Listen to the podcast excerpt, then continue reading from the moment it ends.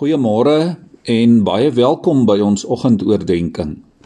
Ons staan die volgende paar oggende stil by die briewe van Petrus en vanoggend net by die eerste 2 verse van 1 Petrus. Petrus noem homself 'n apostel van Jesus Christus.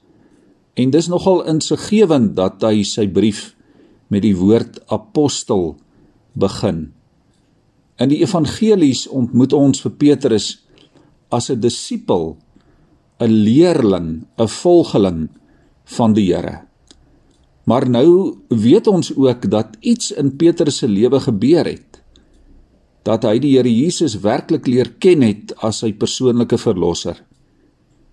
Dat hy sy liefde vir die Here verklaar het.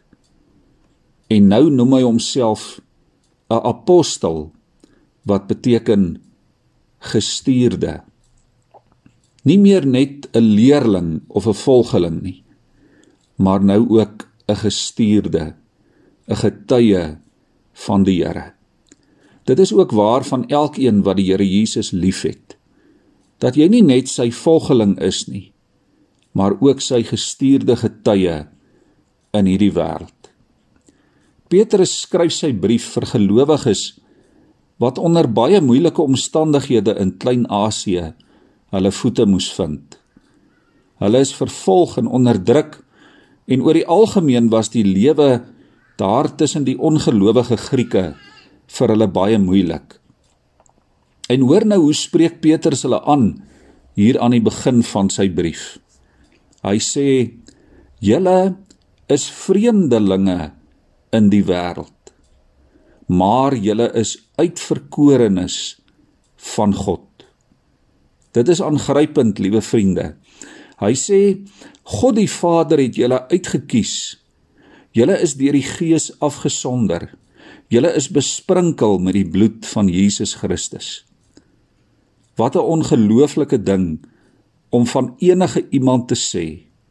God het julle gekies. Sy Gees het julle afgesonder. Julle is besprinkel met die bloed van Christus. Ek weet daar is ver oggend baie gelowiges wat worstel. Worstel met fisiese, emosionele, geestelike en ander vrae en onsekerhede. En natuurlik word gelowiges ook siek. Gelowiges beleef ook pyn, word ook oud, voel ook soms bang en onseker. Gelowiges is ook soms hartseer of bekommerd oor die toekoms Ons vra ook dikwels vrae oor die lewe en oor die wêreld waarin ons leef en die omstandighede waarvan ons deel is. Hoe gaan ek finansiëel oorleef? Hoe gaan ek my studies voltooi? Gaan omstandighede ooit weer verander? Here, hoekom lyk die wêreld so?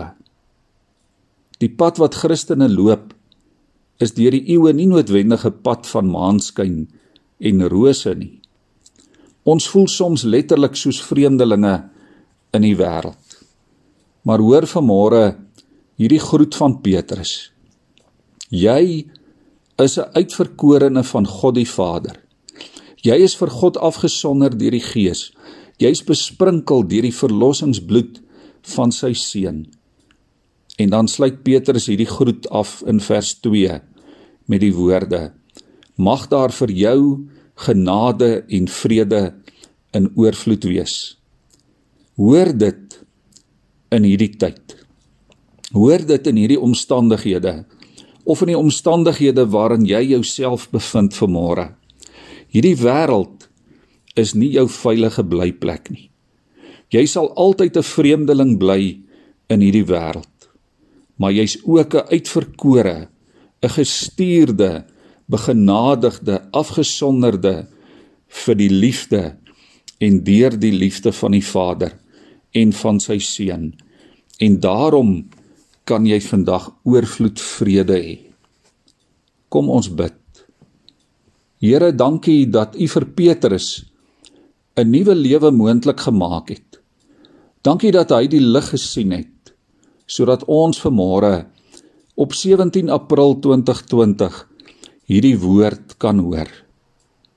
Dankie Here vir die nuwe lewe eh, wat U vir elkeen van ons oopgesluit het. Dat ons U lig kan sien en daarin kan leef. Maak ons lewende getuies. Maak ons gestuurde apostels wat juis in hierdie tyd in hierdie wêreld waarin ons leef, ongeag ons omstandighede, U genade en U vrede verkondig. Here, gee dat ons vandag ware hoop sal bring vir mense wat dit ook nodig het. Die hoop van u evangelie. Amen.